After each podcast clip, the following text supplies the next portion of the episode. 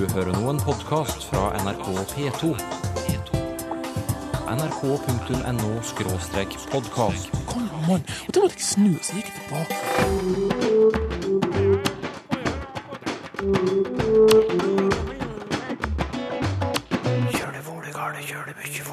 jeg mye.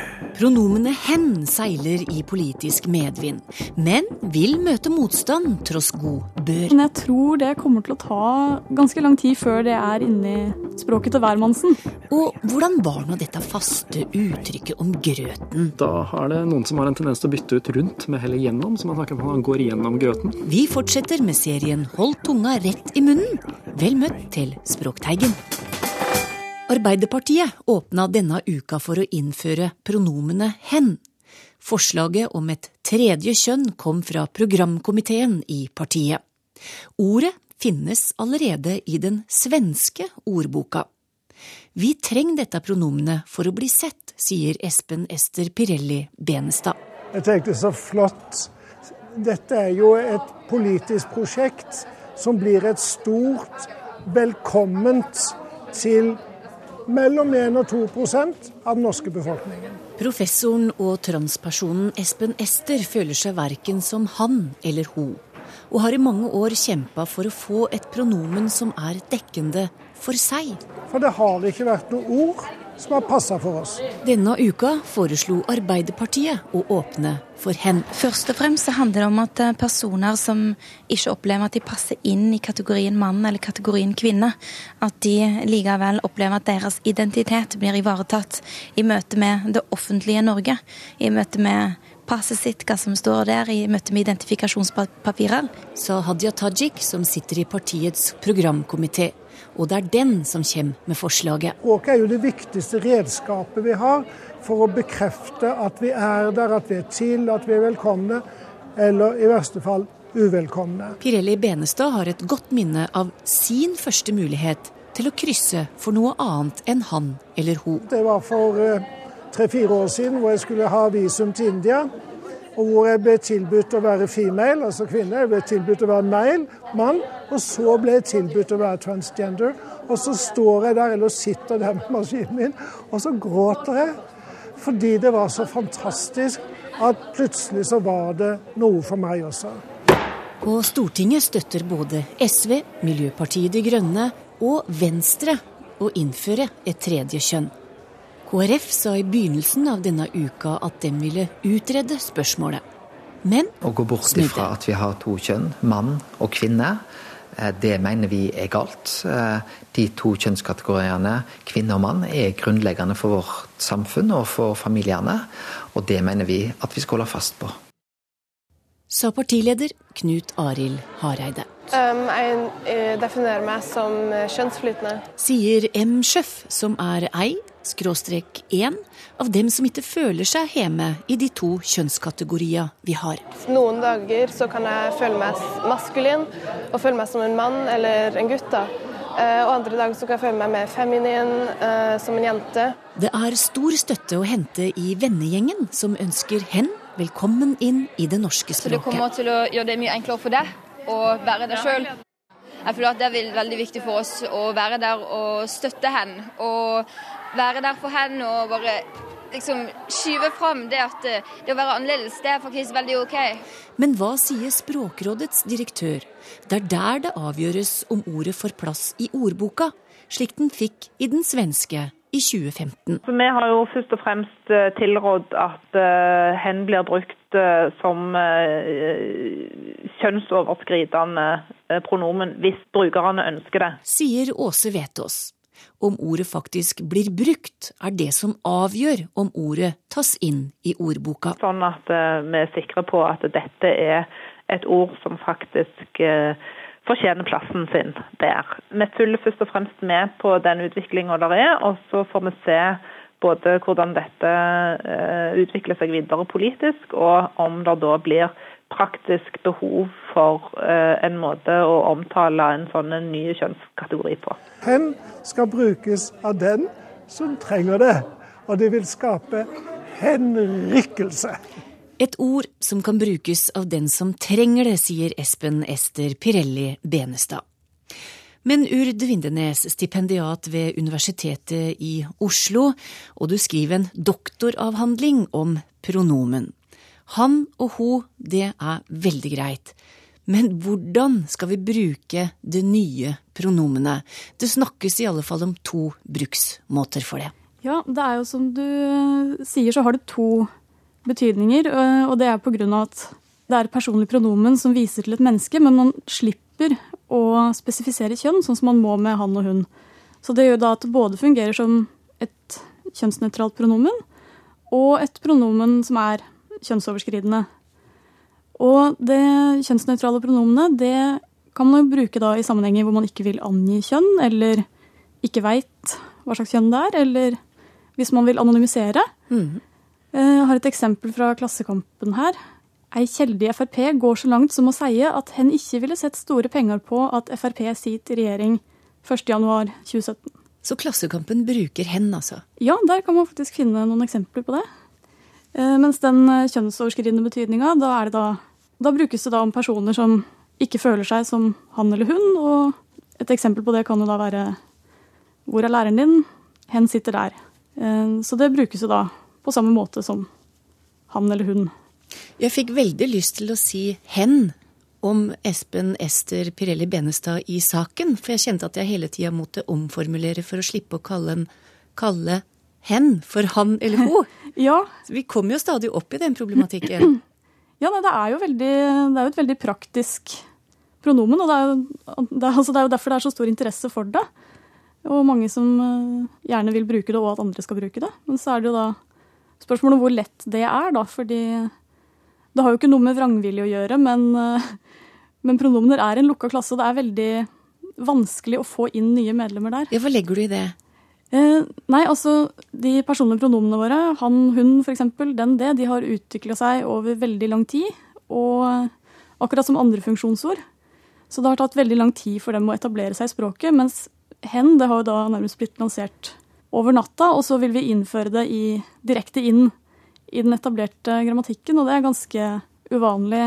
Og grunnen til at det er så vanskelig, er jo da at han og hun de brukes jo svært ofte så de er automatisert.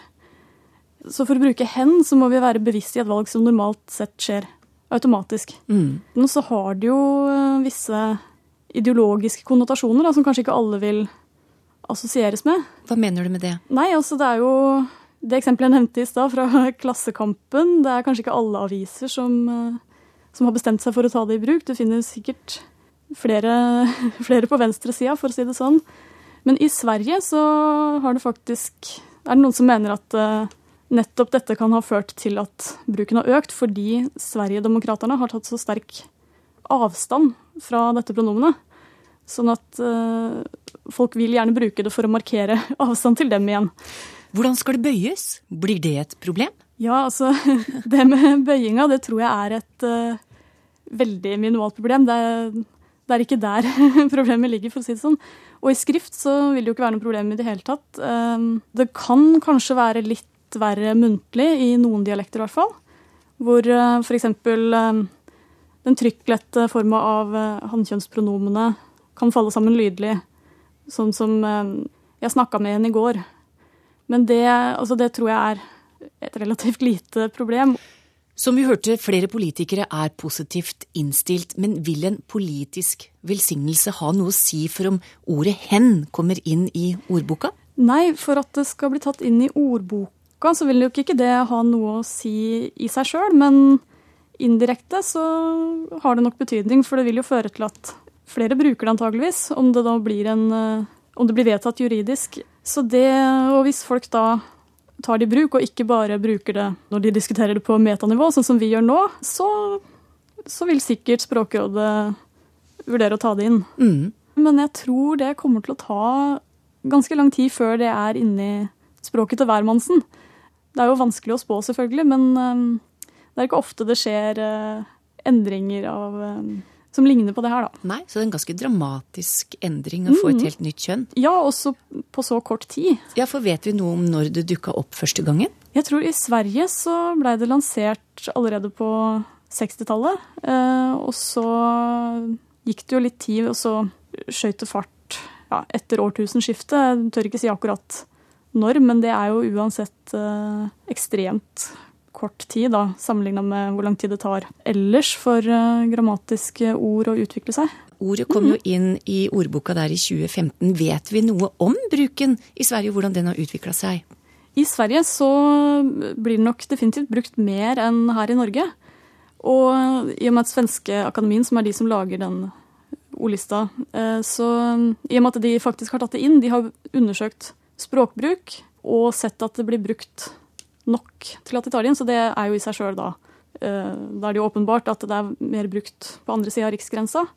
Og så har jeg sett en undersøkelse fra 2014, som var året før de tok det inn, som viste at det faktisk blir brukt ganske ofte i eh, pressen. I snitt i 15 dagsaviser hver dag, og da også i nyhetssaker.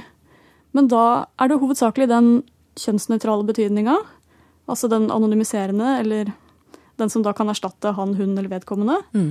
og ikke den kjønnsoverskridende. Hva tror du? Hvor lang tid tar det før eh, hen står i en norsk ordbok?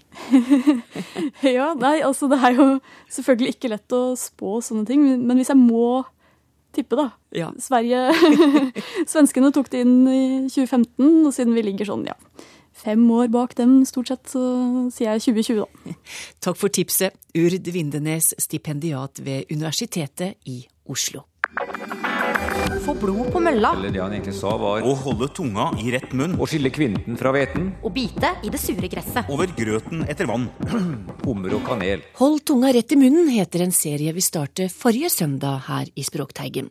En serie om faste uttrykk. For den er ikke alltid så enkle å få til. Vår veiviser er lingvist Georg Kjøll, og han er klar med to nye uttrykk. Det første er Lutter øre. Det kommer opprinnelig fra, fra nedertysk, eh, og kanskje mest sannsynlig fra språkkontakt mellom hansiatene eh, i, i Bergen og, og, norske språkbrukere. Eh, så det betød da opprinnelig klar eller ublandet eller ren. Oh. Ja, og det var det, den betydningen som fant veien inn i uttrykket 'lutter øre'. Da. Så, så er, på engelsk snakker man at uh, 'I'm all ears'. Uh, altså er, nå, nå, er det øret mitt som gjelder her. Nå skal jeg bruke all min oppmerksomhet på å høre på, høre på hva du sier. Mm. Uh, så da fikk du denne metaforiske varianten. Og det, er, det har et tematisk slektskap også med, med det litt vanligere ordet lut som er en, en, sånn sterk basisk løsning man brukte til å vaske bl.a. bomull og lintøy med før. Eh, så ja, det, det har også eh, utgangspunkt i, i tysk. Um, og et ord som opprinnelig var lauge. Uh, og det er også igjen da utgangspunktet for ukedagen lørdag. Uh, laugardager på norrønt, som kan oversettes til vaskedagen. Og vi har også relaterte uttrykk til, eh, til dette. Vi snakker om eh, at det må sterkere lut til. Mm -hmm. Og vi snakker også om å gå for lut og, og kaldt vann. Som eh, innebærer at man må nøye seg med en, en litt dårligere variant av, ja, i denne, i denne, denne betydningen, vaskemidler, da, ettersom varmt vann og såpe kom og erstattet luten litt senere. Hva er det vi roter med i dette uttrykket, da? Ordet lutter er jo ikke så veldig vanlig i den betydningen her, som betyr eh, ren. Altså man snakker om lutter glede, f.eks. Eh, og eh, det at det står til substantivet øre, gjør at man får en litt sånn rar, rar kombinasjon. Så hvis man ikke husker at det heter Luther øre, og heller begynner å, å tenke at Luther er et Eh, adjektiv som må bøyes, så kan man ende opp med varianten luttert øre, da, f.eks. Eh, som eh, er litt vanskeligere å skjønne hva det skal innebære.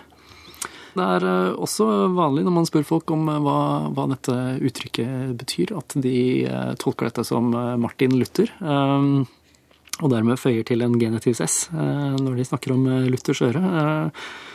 Og Luther er jo også opphavet til veldig mange andre språklige uttrykk, så det kan godt være at at man tenker at eh, her har han hatt en eh, finger med i spillet. Fins det andre kreative varianter? Det er eh, ikke så vanlig å, å høre ordet lut i dag. Det er mange som kjenner til det, spesifikt fra kjemi og sånn, men et annet ord som kommer inn og blander seg der, er jo strengeinstrumentet lutt. Så det går an å høre varianten gå for lutt og kaldt vann, f.eks. Som igjen er litt vanskelig å skjønne hva skal bety, men man kan jo se for seg at noen, uh, noen er villige til å gjøre en innsats for å få høre på litt middelaldermusikk, for dette var et middelalderinstrument uh, opprinnelig. Og det er også mulig å, å, å høre snakk om her må det sterkere lutt til istedenfor sterkere lut. Så, så, det viser at det er mange, mange måter å trå feil på når man, når man snakker om dette uttrykket. Gå rundt grøten. Det er en kort variant som har etablert seg. På, på norsk av opprinnelig uttrykket 'gå som katten rundt den varme grøten'. Ikke, kanskje ikke spesielt vanlig å, å, sette varme grøteboller på bordet for å la seg kjøle mens katten er i samme rom eh, lenger, men det er, det er antagelig det som er utgangspunktet her. Da, at man har hatt en bolle med grøt stående, og så har katten lyst på den. Men den er for varm, så den tør ikke, den tør ikke begynne å spise av den ennå. Dermed må den gå litt rundt og, og, og lure på grøten før den, før den, kommer til saken. Og det er det uttrykket da betyr. Det handler om å ikke gå rett på sak, ikke si hva det er man vil med en gang. Men heller være litt ekstra omstendelig eller gå noen runder for å, fordi man kanskje ikke fordi man kanskje er litt nervøs for, for konsekvensen av det man skal si, eller ja, som katten var redd for, å, redd for å brenne tungen. Hvor var det dette oppsto, da? Uttrykket? Det er, litt, det er, litt, vanskelig å si. Jeg har ikke noen gode kilder på, på nøyaktig opprinnelsen til det, men man kan jo se for seg at det var en spesifikk, spesifikk historie eller et eventyr som er utgangspunktet for veldig, veldig mange uttrykk på norsk. Og Hva er de vanligste varianta av dette her, da? Det er litt uklart, selvfølgelig, for folk hva, hvorfor akkurat grøt og huske, huske, det at man skal gå rundt den. Og, ja, det, er, det er litt sånn uh, Uten et opprinnelig bilde med katten, så blir det, blir det, litt mindre gjennomsiktig. Så da har det noen som har en tendens til å bytte ut, uh, bytte ut rundt med heller gjennom, så man snakker om at man går gjennom grøten. Men det er også uh, et annet uttrykk som blander seg inn der, og lager, lager rot for folk. man snakker om gå over bekken etter vann, mm. som betegner noe av det samme sånn innholdsmessig. At man snakker om at vi, man gjør noe unødvendig komplisert. Og da får du varianten gå over grøten etter vann. Det er i hvert fall komplisert. Men du har også en annen, annen variant oppi her, som er å tråkke i salaten, som også har begynt å blande seg inn. Å tråkke i salaten betyr å, å, å dumme seg ut på en eller annen måte. Men det er også et eksempel på et veldig lite gjennomsiktig uttrykk. Det er ikke gitt at det å tråkke i salaten er dumt på noen som helst måte. Og her handlet det opprinnelig om da antagelig en nabo av en bonde som ikke fulgte med hvor han gikk, og, og vandret rett inn i en salatåker. Men det bildet og den opprinnelsen er jo borte fra den felles bevisstheten i dag, og da kunne jo gjerne salaten også vært andre typer matvarer, da, som f.eks. tråkke i grøten, som har blitt, blitt mer og mer vanlig å snakke om kan godt hende at det kommer fra dansk, for der har man også en variant eh, hvor man snakker om å eh, jogge i spinaten isteden.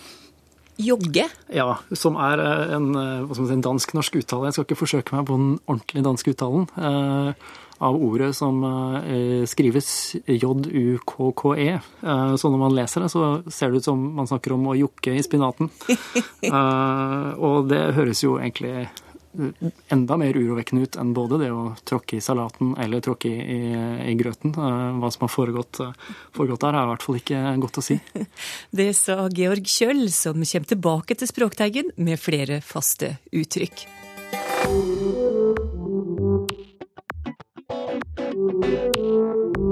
Trump har faktisk satt en rekord i Norge.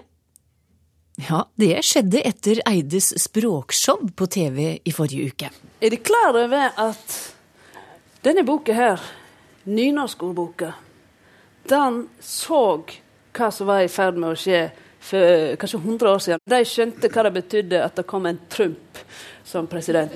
Dette fikk folk til å kaste seg over ordboka på nett og skrive nettopp de fem bokstava TRUMP i søkefeltet. I løpet av uh, første uken etter uh, programmet til Linda Eide, så hadde vi over 20 000 treff på ordet Trump i ordboken. Noe som er et svært høyt tall. Vi har ikke sett noe lignende. Sier Halstein Mjelde, som er prosjektleder for IT-delen av Norsk ordbok ved Universitetet i Bergen. Og hva sier ordboka om Trump? Stor tung og stiv skapning. Eigen og tverr. Trump det er òg et adverb. Det er truging, tvang, press, makt, hard metode. Eksempel ta noen med trump.